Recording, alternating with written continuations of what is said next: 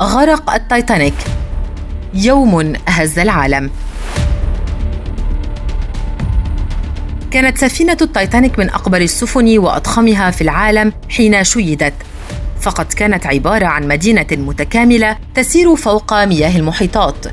فقد بنيت لتتسع لأكثر من 3500 راكب كما تم توفير كل مصادر الرفاهية والراحة لركابها الأغنياء. وضمان وصولهم إلى وجهتهم بأسرع وقت ممكن حيث زودت بمحركات ترددية صنعت خاصة من أجلها إذ يبلغ ارتفاع المحرك 12 مترا ومزود بأسطوانات يبلغ قطر الواحدة منها 2.7 مترا مما سمح لها بتوليد كمية كبيرة من الطاقة البخارية أكثر من أي سفينة أخرى كانت معاصرة لها.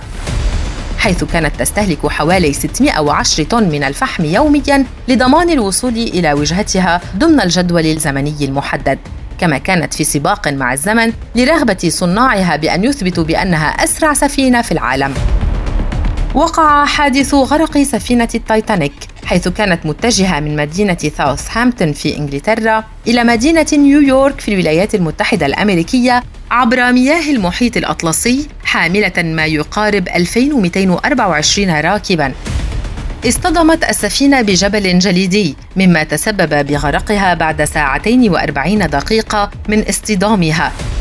وكان ذلك من أفظع حوادث البحرية التي حدثت آنذاك حيث توفي ما يزيد عن 1500 من ركاب السفينة غرقا في مياه المحيط أو تجمدا بسبب البرد في المياه الشديدة. على الرغم من تلقي طاقم السفينة أكثر من إنذار على وجود جبل جليدي ضخم في مياه المحيط إلا أنها كانت تسير بأقصى سرعتها عندما اقتربت من الجبل الجليدي فكان من المستحيل على طاقمها تجنب الاصطدام به.